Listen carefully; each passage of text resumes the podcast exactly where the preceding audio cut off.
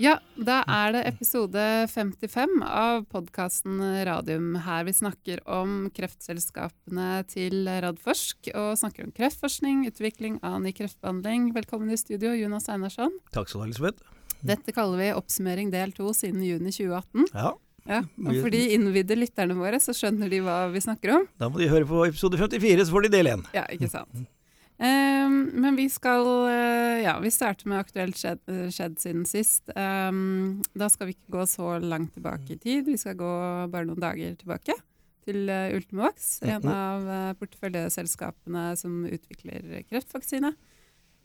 og da kunne man lese i Dagens Næringsliv at de kjøper opp immunterapi-teknologidelen til et svensk selskap som heter Umenyd. Ja. ja. Det er Fortell riktig. litt om det. Ja. Uh, da er sånn disclaimer. Jeg er styreleder i uh, Ultimovax, sånn at jeg kan ikke spekulere i, i, noen ting, bare holde oss til fakta.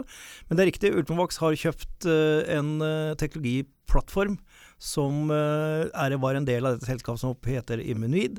Den plattformen er nå lagt over i et nytt svensk selskap som heter Ultimovax AB.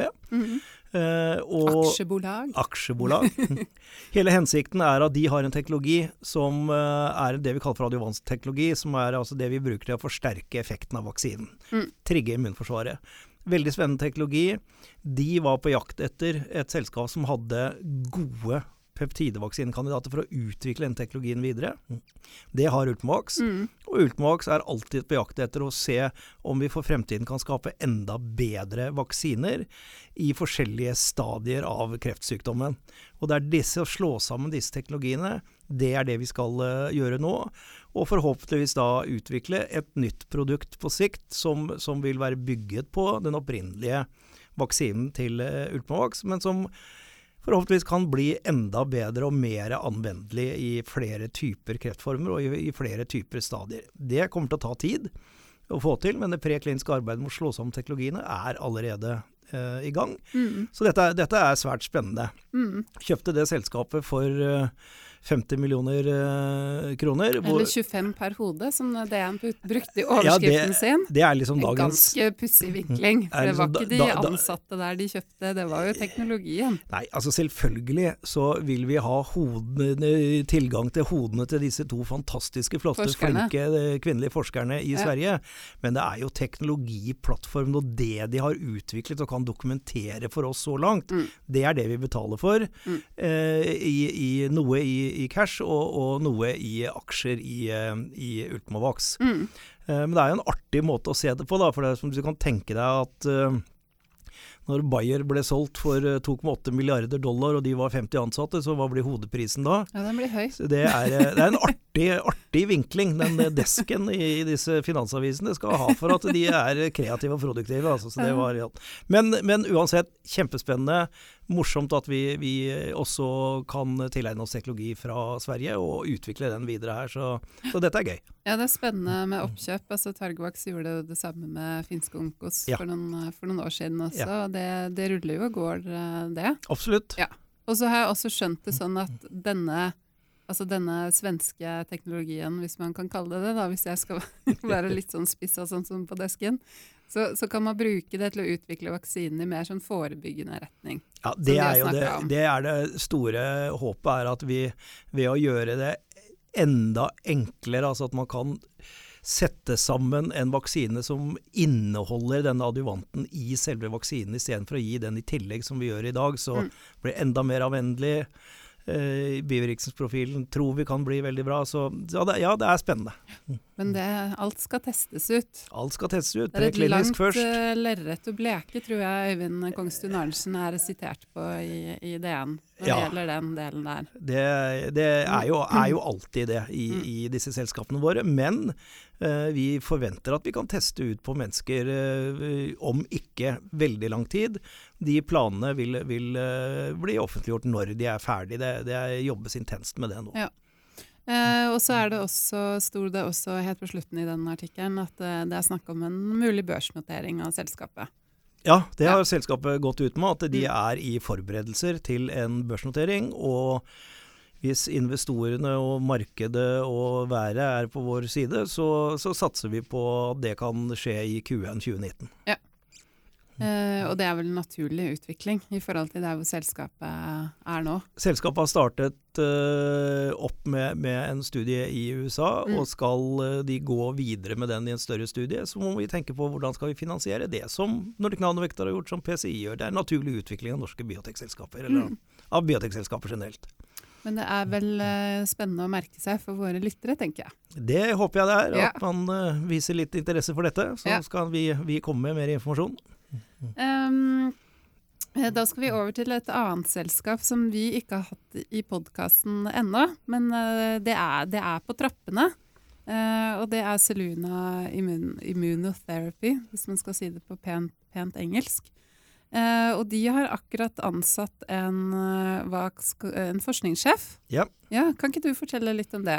Doktor Namir Hassan heter han. Ja, doktor Namir Hassan kommer altså til dette relativt nystartede norske selskapet. Basert på norsk eh, teknologi. Vi kan, kan snakke mer om det i en senere podkast mm. Vi bare teaser dette nå. Vi teaser at alle, veldig mange har hørt om CAR-10. Ja. Eh, som jo har fantastiske effekter, men også veldig problemer med bivirkninger så langt. Mm -hmm. og, for, komplekst. Komplekst å produsere, men allikevel. Ja. Altså Novartis har fått den første ja, ja. godkjente, og den ser ut som den kurerer en krefttype, mm. blodkrefttype i barn som ellers ville dødd av det, så dette er utrolig spennende. Mm. TCR teknologien som Celluna eh, bygger på, er en, om ikke en videreføring, så er det en annen variant av denne ja. type Og TCR, det er kanskje en forkortelse man bare skal lære seg med? T-cellereseptor, ja. TCR. Målstyrt til hver enkelt pasient. Kjempespennende, men veldig, veldig tidlig fase. Eh, men allikevel så sier Namir Hassan forlater en toppstilling i Immunocore, mm. som jo er et særdeles godt kjent selskap innenfor dette, mm. for å komme til Norge. Og være her og være en del av teamet i Seluna, hvor jo allerede CEO-en Miguel Forte eh, er, er, på plass, og, og flere internasjonale eh, som kommer fra veldig gode stillinger i solide selskaper, de velger faktisk å komme hit fordi vi har så spennende teknologi. Mm. Og vi kan jo heller ikke lokke de med noen superlønninger. Uh, men, men de, de Fint sted, da. Men et veldig fint sted og et bra miljø. Og de, de er fascinert men, av miljøet i Oslo Cancer Cluster innovasjonspark. Ja. Eh, så det, dette er liksom nok et tegn på at vi er i ferd med å bygge en næring som også har en attraksjon. Mm, så, at man klarer å tiltrekke seg ja. altså de talentene og de, den kompetansen man trenger internasjonalt, er jo et kvalitetsstempel. Det er absolutt et kvalitetsstempel, mm. og det er kjempespennende for uh, miljøet vårt. Og jeg gleder meg til å få Miguel og flere i studio om ikke lenge for å fortelle mer om, uh, om Seluna, som er et veldig spennende selskap og nyvinning uh, hos oss. Mm.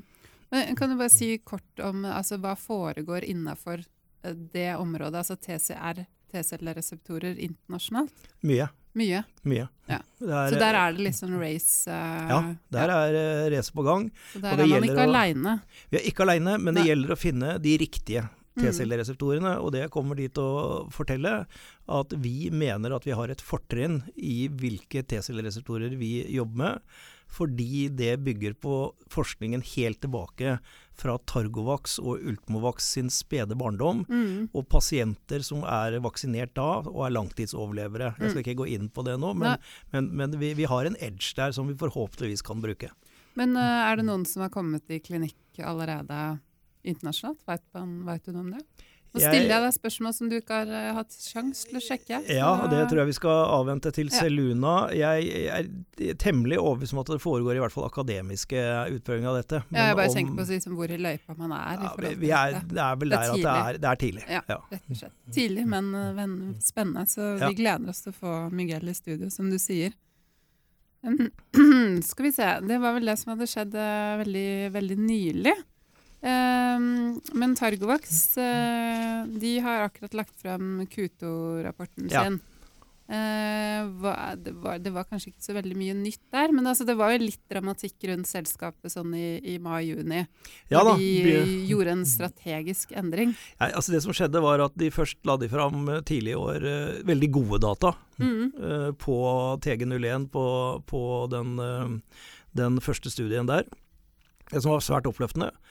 Og så, når vi var på en av de store konferansene, Uh, lurer på om det var I ASKO, våres. Ja. tror det var ASKO, Mm. så ble det lagt fram uh, nye data på en annen type kjemoterapibehandling. Ja. Og så viser det seg at med denne Folfirinox, som er den heter, det er altså flere typer av gamle, gode, kjente Gode. Gamle, kjente kjemoterapier med mye Med bivirkninger. ymse bivirkninger. Eh, Så viser det seg at pasientene lever lenger, Mm. eh, og det er suverent for pasientene. Men det gjør at vi da må se en gang Targovax må se en gang til på hvilken innvirkning vil det få på eh, den planlagte studien de hadde for å kjøre TG01 eh, sammen da med gemcitabin i eh, en større studie. Nå vil Folfirinox komme inn som standardbehandling. Mm. Eh, Det vil si vi måtte starte, de må i så fall starte på scratch med å sammenligne med den Ja, behandlingen. så de må liksom tilbake til en fase 1-studie. Ja, eh, antagelig, i hvert fall en liten en. Men, men eh, den andre tingen er at uh, observasjonstiden, i og med at pasientene heldigvis da lever mye lenger, Mm. så vil avlesningstiden for studien og størrelsen på studien bli en helt annet. Så det de har sagt er at de er nå i tenkeboksen. Ja. Med hvordan de skal utvikle TG01 videre, for den har jo gode resultater. Mm. Og har sagt at de skal komme senere i år med en revidert plan på det. Og mens de gjør det, så eh, fokuserer de da 100% på TG02-studien de har i Australia og New Zealand, og ikke minst på Onkos Onkos. 102-studiene. Ja. Så det Eh, kom ikke noe fram på den Q2-rapporten at de, eh, de er på vei ut av tenkeboksen. De er fremdeles i tenkeboksen. De eh, vil anta at de jobber intenst med dette og kommer ut med hva de har tenkt å gjøre med det. Men, og så i mellomtiden da venter vi på resultater fra, fra flere av de mange er, er det fire studier, tror jeg, som er uh, Onkos 102-studier som er er i gang nå. Jeg er usikker. Jeg har ikke vært i form, så jeg har ikke fått forberedt meg. Jeg tror, jeg tror det er fire. Det er i hvert fall eh, flere som vi venter eh, avlesninger på, så det, det blir svært, eh, svært spennende. Altså, det er et selskap hvor vi kan forvente at det kommer noe ganske kjapt. Ja, hvis jeg husker riktig, så ja. bør vi ikke være så langt unna at det kommer noen oppdateringer på noen av de studiene. Ja. Uansett så skal vi invitere de i studio. Det er alltid hyggelig å ha Ja. Øystein og Erik her for å snakke. Og så tror jeg de skal til i hvert fall Nordic Life Science eh, Days å presentere neste uke. Det er sikkert en del andre selskaper også som Ja, og det er, skal. eh, den konferansen er, bare så vi er tydelig på det, er ikke en vitenskapelig konferanse, Nei, det er en Det er en investorkonferanse. investorkonferanse, så det blir en oppdatering på allerede kjente, kjente ting som kommer der. Så det, det kommer ikke noen nye data på Nei. den type studier. Men hvis man er, er tilfeldigvis er i Stockholm og tilfeldigvis er på konferanse, så Da man bør absolutt man høre på, høre på. på våre selskapers presentasjoner. Ehm, skal vi se Jo, og så har jo også PCI Biotech eh, hatt sin Q2-rapport. Ja. Den hadde de jo to dager etter at uh, Per og, og Ronny var i studio her. Uh, og da var det liksom ikke alt de kunne gå inn på og snakke, for de var jo egentlig inne i den stille perioden sin. Um, så, så hva på Q2 kom fram som ikke de kunne si her, når vi snakka med dem? Eh, det var en oppdatering på dataene Mhm. fra den eh, første extension-studien. En oppdatering på, på overlevelse, eh, som var positiv. Ja, jeg har, det, har klart, det har klart å få meg. Median overall survival er eh, på 21,2 måneder. Ja, 21,2, og, Ja. og Og, og tre av fire pasienter hvor man ser at eh, det er tumorrespons. tumorrespons. Men, men kan du si noe om eh, altså, Er det bra, dårlig? Ja, det er, eh, det er bra. Eh, Ja. Det, de historiske dataene de opererer med, er, eh, er eh, rundt tolv måneder. Ja. Så, så, Så det er nesten en dobling. Ja. Én få pasienter, Ja, ja. eh, alle disse Veldig her, men, men, men har, peker eh, i riktig retning. Det andre de kom med, var at eh, de foreløpige safety readoutene fra extension-studien Mm. eh, ser lovende ut. Dvs. Si de rapporterer ikke om noen eh, bivirkninger som, eh, som er sånn at de må eller bør rapporteres. Mm. Eh, og da sier de at de nå skal starte opp pivotalstudien med inntil to behandlinger. Mm. Og hvorfor sier de inntil to? Jo, det gjør de fordi at pasientene, alle pasientene får én behandling. Mm. Så skal de gjennom sykluser med tøff kjemoterapi. Mm. Og hvis de da ved det tidspunktet hvor det er planlagt andre behandling med, med lys og, og deres teknologi, så får de den. Og hvis de ikke er i form til det da, så må de utsette eller ikke gjøre det da. Men målsettingen er at alle skal få to behandlinger. Men alle går inn i studien om de Mm. får én eller to behandlinger. Jeg lurer på om vi så vidt snakka om dette når, når, med Per og Ronny når de var i studio. For det her kommer jo an på hvordan man reagerer på ting, Ja. rett og slett. Fordi Ja. alle er forskjellige. Og Ja. dette er svært syke pasienter også, Det er det absolutt. må man ikke, ikke glemme.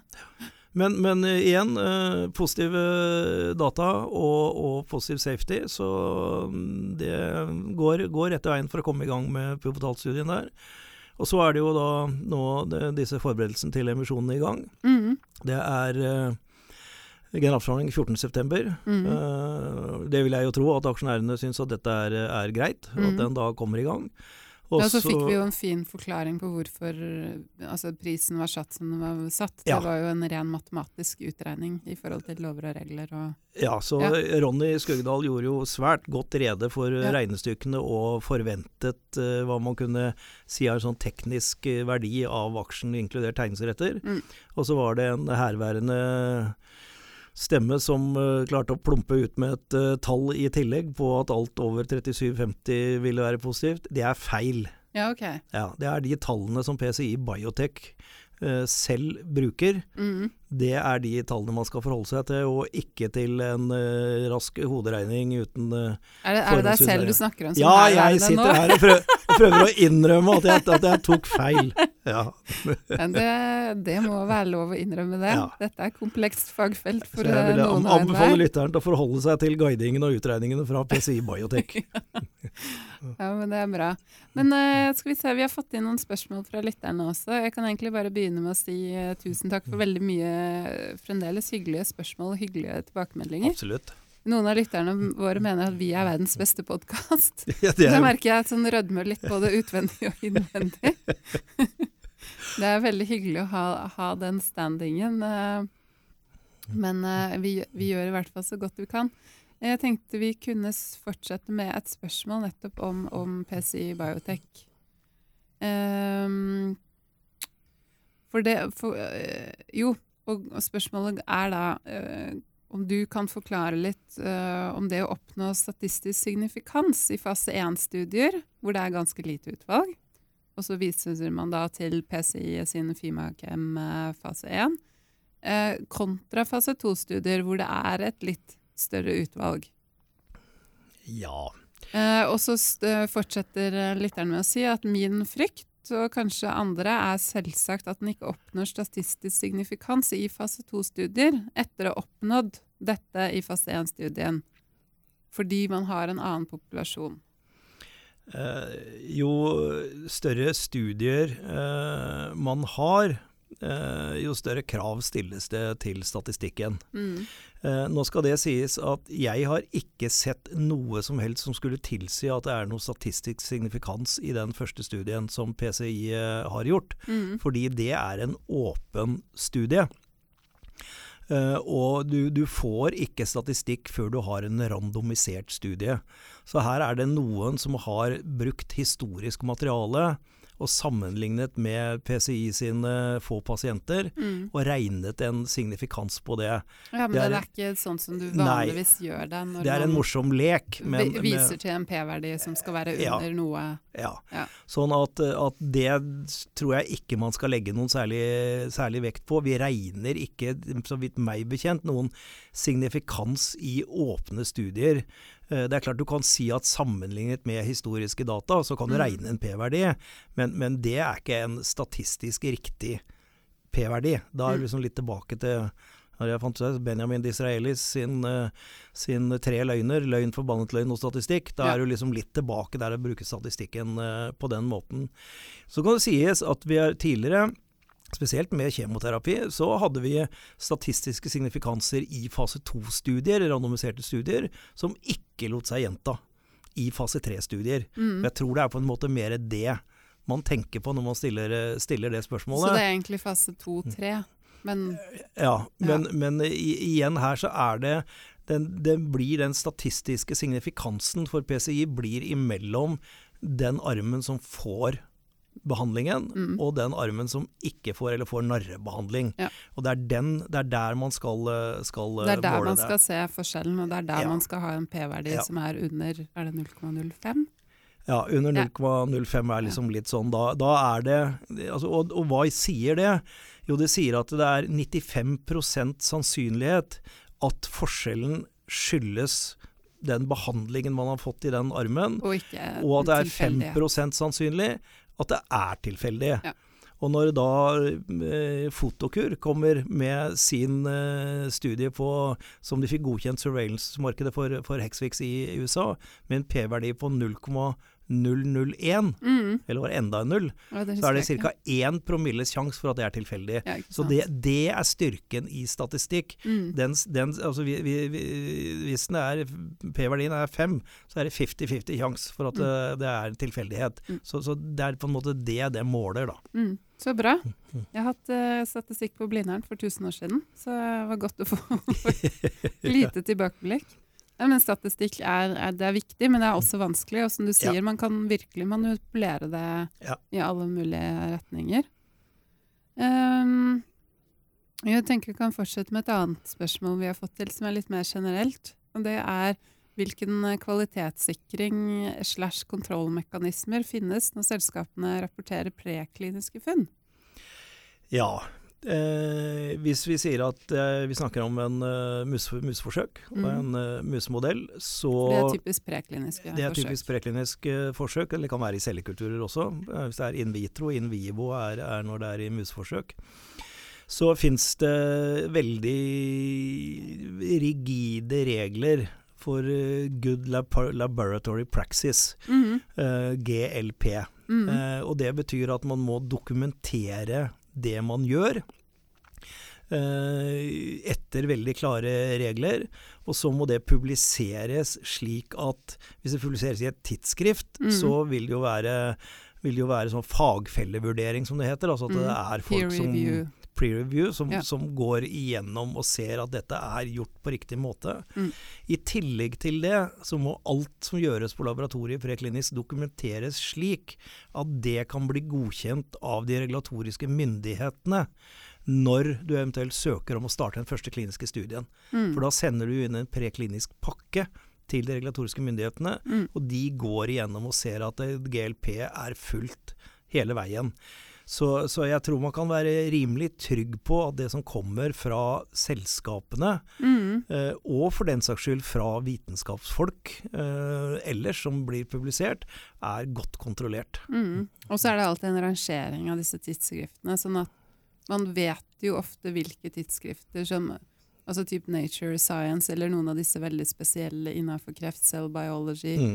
Altså, da vet man ofte at det er veldig eh, Altså det er litt mer banebrytende ting, da. Ja, og, det- og det vet jo også selskapene. De har veldig dyktige forskere som jobber der. Ja.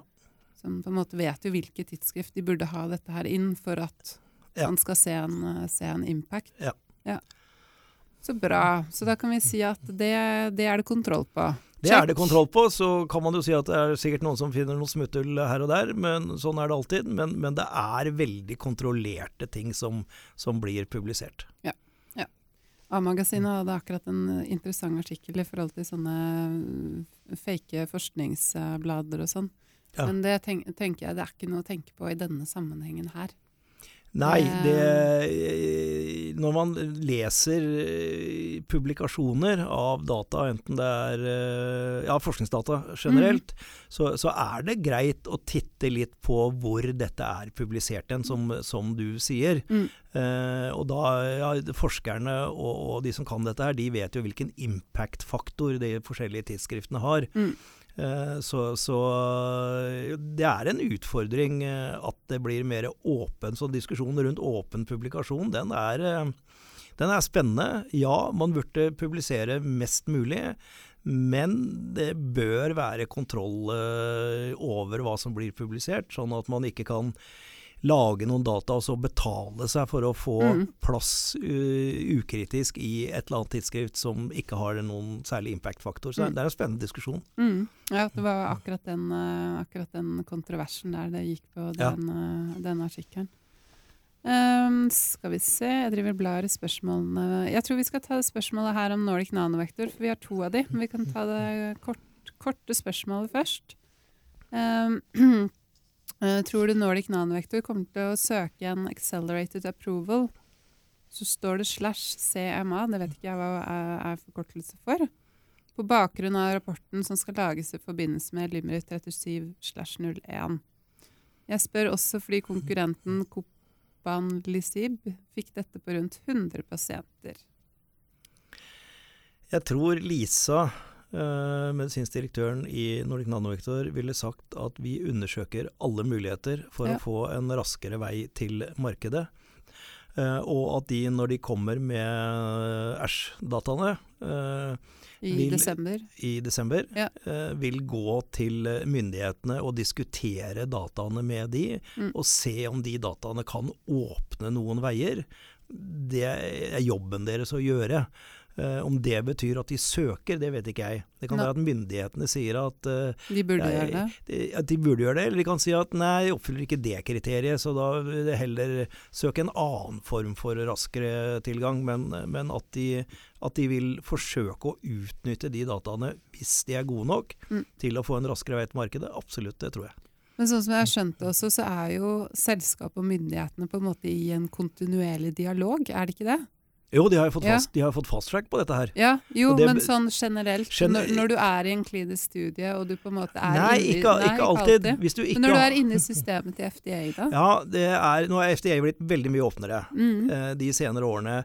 Men, men hvis du har igangsatt en studie som ikke har noen form for, for uh, accelerated approval, fast track, uh, orphan drug designation, altså ingenting av disse her, Da har du ikke noe med så det å gjøre? nei, da kan Nei. du risikere at du ikke får eh, noe tilbakemelding fra de før du har levert inn datapakka di. Skjønner. Eh, men, men her er det orphan drug designation på flere av selskapene våre. Mm. Det er FCA PCA Biotech har en avtale om at de skal gjøre interimanalyse for å se på accelerated approval. Nordic Nanovektor har fått eh, fast track. Fast track. Da har du en løpende dialog. Ja. Sånn at der kan man jo, som du sier, at da vil jo Lisa og hennes kollegaer være i den dialogen med FDA. Sånn som, og FDA er ganske framoverlente i forhold til at når de ser at det er behandling og altså god statistikk, da, Ja. så gjør de egentlig det de kan gjøre for å få den rask, raskest mulig ut på markedet, sånn som jeg har forstått. Ja, det er ingen tvil om at FDA og EMEA nå etter hvert også, de, disse regulatoriske myndighetene, har nå på en måte definert sin oppgave som å se etter nye medikamenter og behandlingsmetoder som møter krav til unmet medical need og disse, disse tingene som vi ser på hvor viktig det er for pasientene. Mm. Eh, Så er deres jobb å sørge for at alt blir gjort kontrollert og riktig, og får en statistikk som man kan stole på, alle disse tingene her. Men med de forutsetningene så ønsker de å få, det, få disse medikamentene frem til pasientene. Mm.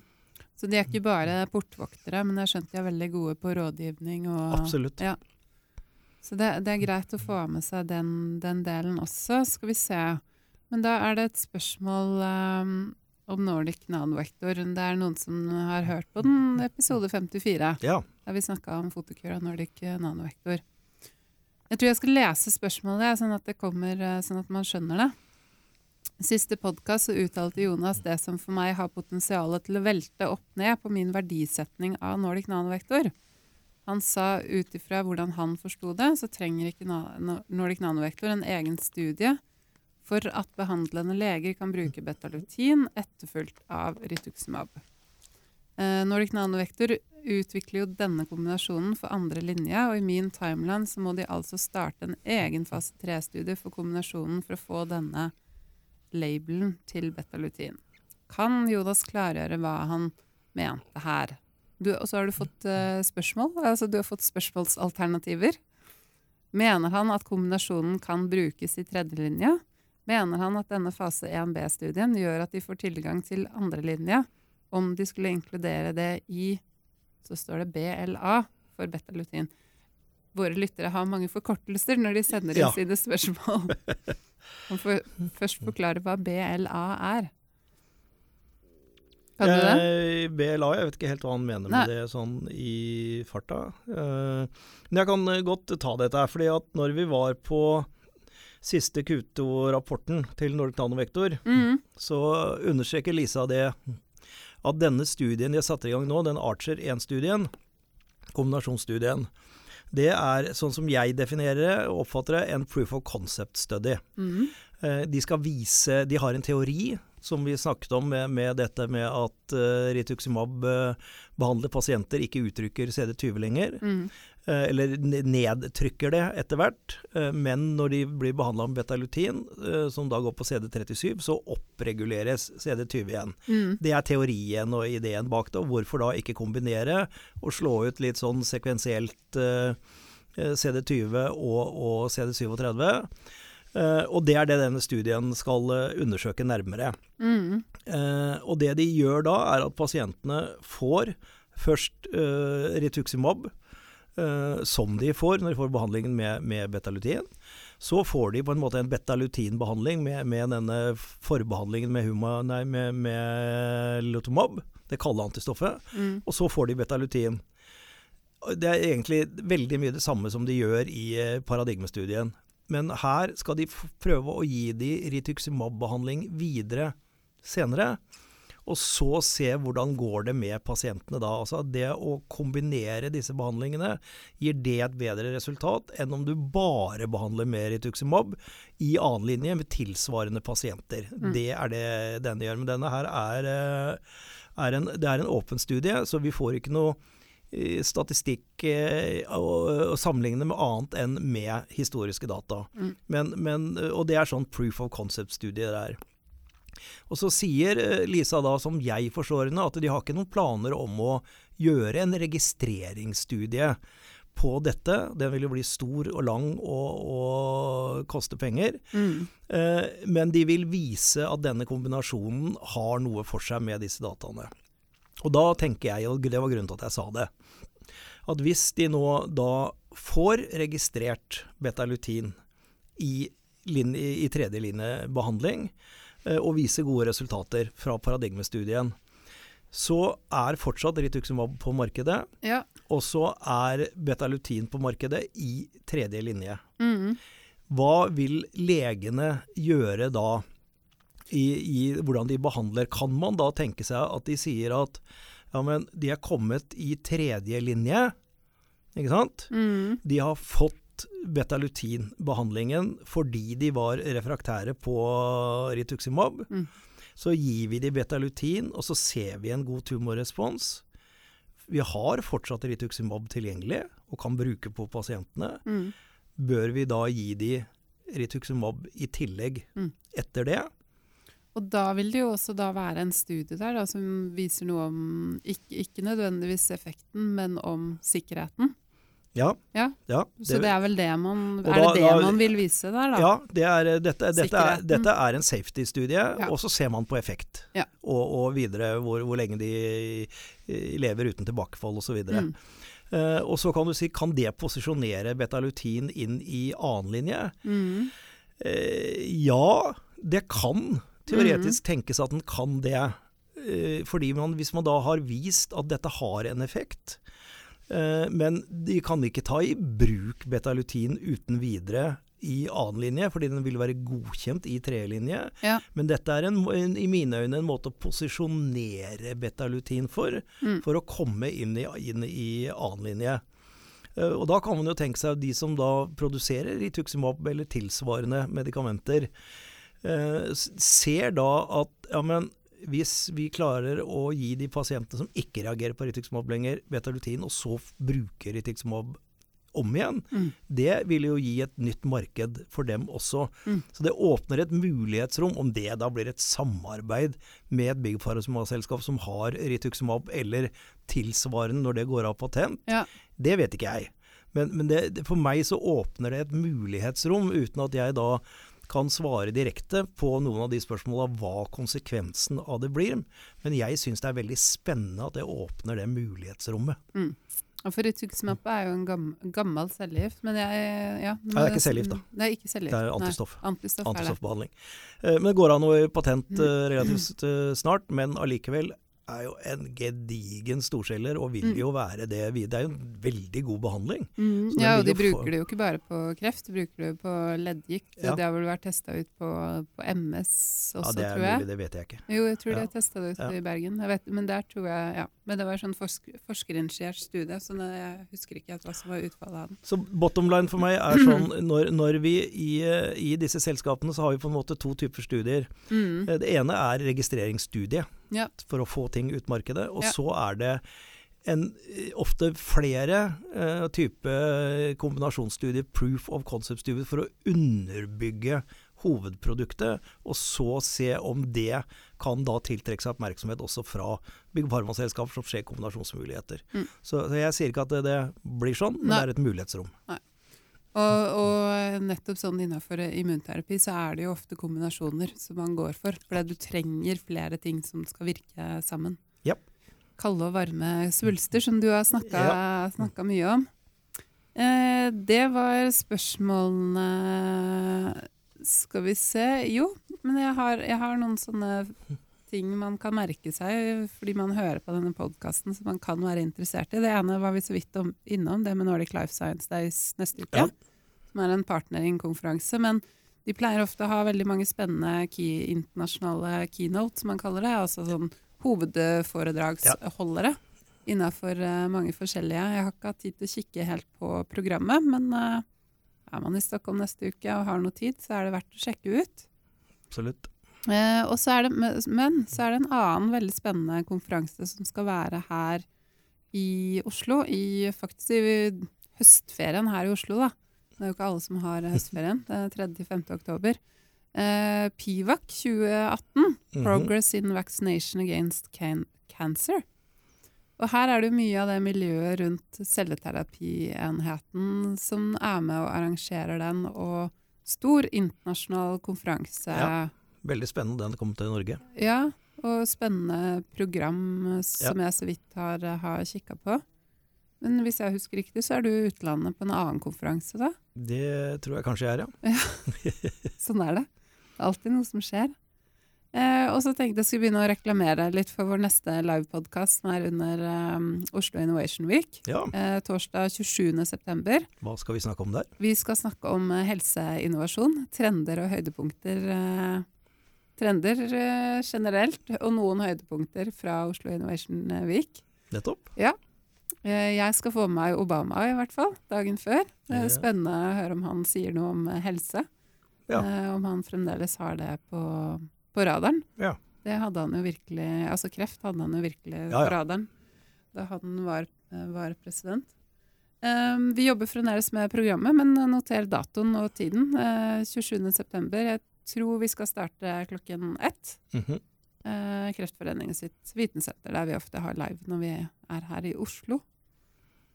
Og så skal du snakke i Bergen, kommer jeg på nå. Da kan vi nevne det til slutt. Om kliniske studier. 17. september. Det er uh, mandag 17. september, ja. Mm Eh, og jeg skal snakke om eh, viktigheten av kliniske studier, spesielt da fra pasientenes eh, synspunkt, men eh, også viktigheten fra våre, våre selskapers side, og kommer helt sikkert til å vinkle inn mot eh, viktigheten av at vi klarer å legge studiene til, eh, Til her, her til Norge. Jeg snakka litt med hun som er initiativtaker der, som jobber i altså BTO, som er da Bergensmiljøet sitt eh, teknologioverføringskontor. Hvor de da holder på med et helt nytt initiativ i forhold til dette med brukermedvirkning. Altså at Ja. man prøver å få da, altså pasienter til å vite mer om kliniske studier, og spørre etter kliniske studier når man eh, er i en behandlingssituasjon. Det er en kjempefin vinkling. Det bør jo være sånn ikke bare at eh, legene, klinikerne og selskapene ser etter pasienter som passer til studier, men pasienter bør også vite når er det riktig at de skal selv lete etter, oppsøke, forsøke å finne studier de kan, eh, de kan være en del av. Og da, Mm. da er det mye informasjon som må ut, for vi må ikke si at hvis du får en kreftdiagnose, så bør du lete etter en studie sånn umiddelbart. For de aller fleste har veldig gode standardbehandlinger, standard of care, Ja. og det er de behandlingene man skal inn i. Mm. Og de fleste studier per i dag, de kommer ikke inn før du på en måte har brukt Prøvd opp de behandlingsmulighetene. Så vi, Ja. vi må ikke kaste blår i øynene på pasientene heller og si at uh, hvis du får en diagnose, så for guds skyld prøv å finne deg en studie, for da har du større sjanse for å bli bra. Det er feil. Mm. Største sjansen for å bli bra er å gå inn i et standardisert behandlingsopplegg. Og det er der man har disse pakkeforløpene Ja. for kreft Ja. eh, som har blitt innført eh, de siste årene. Som virker som de har gjort kreftbehandlinga i Norge mye bedre og mye mer forutsigbar for, for pasientene. Det er Pakkeforløpet har, så vidt meg bekjent, eh, så langt vært eh, svært positivt for, eh, for pasientene. Mm. Og, og jeg snakker jo veldig mye med pasienter som får kreftdiagnoser, og de aller fleste er eh, veldig fornøyd med at de de får eh, Diagnosen blir stilt, de får vite at nå i løpet av den tiden så skal det utredes, i løpet av den tiden skal behandlingen eh, igangsettes. Operasjon, hvis det skal være det, senest den og den datoen. Mm. Det gir en forutsigbarhet oppi en kaotisk verden Mm. når du har fått en kreftdiagnose, Ja. som eh, jeg, ser at det skaper trygghet både hos pasienter og pårørende. Så, så dette er viktige jobber som gjøres der. Det var dagens eh, skryt til Helsedirektoratet, som har vært med å innføre det. Ja, Ja. det skal vi De skal ha skryt når de skal ha skryt. Det skal de få. Så kan de få pepper når de, når de skal ha det. Sånn, eh, det er jo sånn det skal være.